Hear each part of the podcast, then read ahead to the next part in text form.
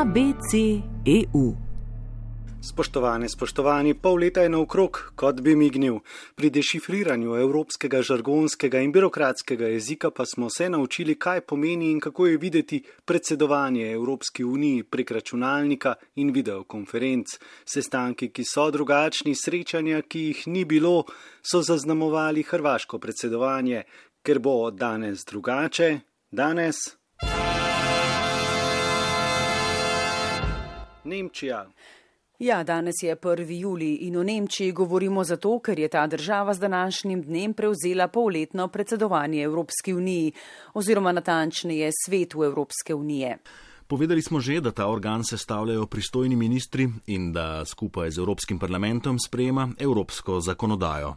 S koncem hrvaškega predsedovanja se je zaključilo tudi eno in pol letno predsedovanje trojke, namreč države članice, ki predsedujejo svetu Evropske unije, tesno sodelujejo v skupinah po tri. Trojka predsedstev določi dolgoročne cilje in pripravi skupen 18-mesečni program, znotraj katerega potem vsaka od predsedujočih držav pripravi svoj podrobnejši šestmesečni program.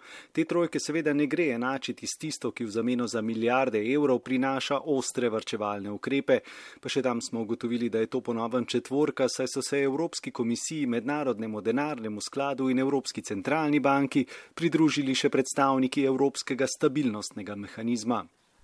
Torej, če poenostavim, EK, MDS, ECB in SM. Poenostavitev par excellence.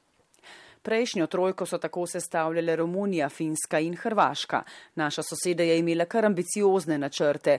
Evropi se je nameravala predstaviti v svoji najboljši luči svojo bogato kulturno dediščino. V središče svojega programa je postavila bolj enakomeren regionalni razvoj in izboljšanje razmer za mlade. Vendar je njeno prvo predsedovanje v Uniji povsem zasenčila korona kriza. No, pa če omenim še to, da je ob začetku hrvaškega predsedovanja na Hrvaškem potekal drugi krok predsedniških volitev, čez nekaj dni pa so napovedane še parlamentarne volitve.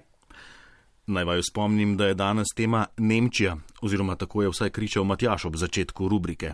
Joj, Luka, kako si ti neučakan, saj pridemo tudi do Nemčije. Sploh pa nisem kričal, dobro, dobro, sem že na liniji. Nemčija trojko predsedujočih držav sestavlja skupaj s Portugalsko in Slovenijo. Ta bo svetu Evropske unije predsedovala v drugi polovici prihodnjega leta. Nemčija je med šestimi ustanovnimi državami predhodnice današnje Evropske unije. Kot vemo, je bil ključen korak razumevanje, da je za umiritev napetosti v Evropi, uničeni v drugi svetovni vojni, nujno povezovanje dveh največjih celinskih rivalov, torej Nemčije in Francije. Poleg njiju so se povezavi že na začetku pridružile Italija in države Beneluxa. Predsedujoči trio, torej Nemčija, Portugalska in Slovenija, je sredi junija predstavil nekakšne skupne prioritete oziroma preglede ciljev 18 mesecev predsedovanj teh treh držav.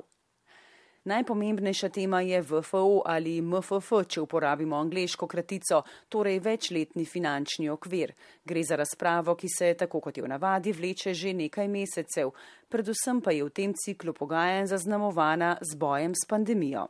Nemški državni sekretar za evropske zadeve Mihajl Rot je denimo povdaril, da je treba premagati koronsko krizo ter si obenem prizadevati za bolj socialno, vzdržno in demokratično Evropo, ki mora še zlasti v teh kriznih časih okrepiti vladavino prava v vseh članicah Evropske unije. Najti pa je treba tudi solidarnostni odziv na priseljevanje in nadaljevati boj proti podnebnim spremembam.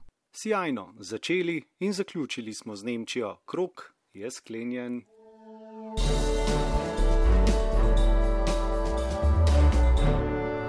ABC EU.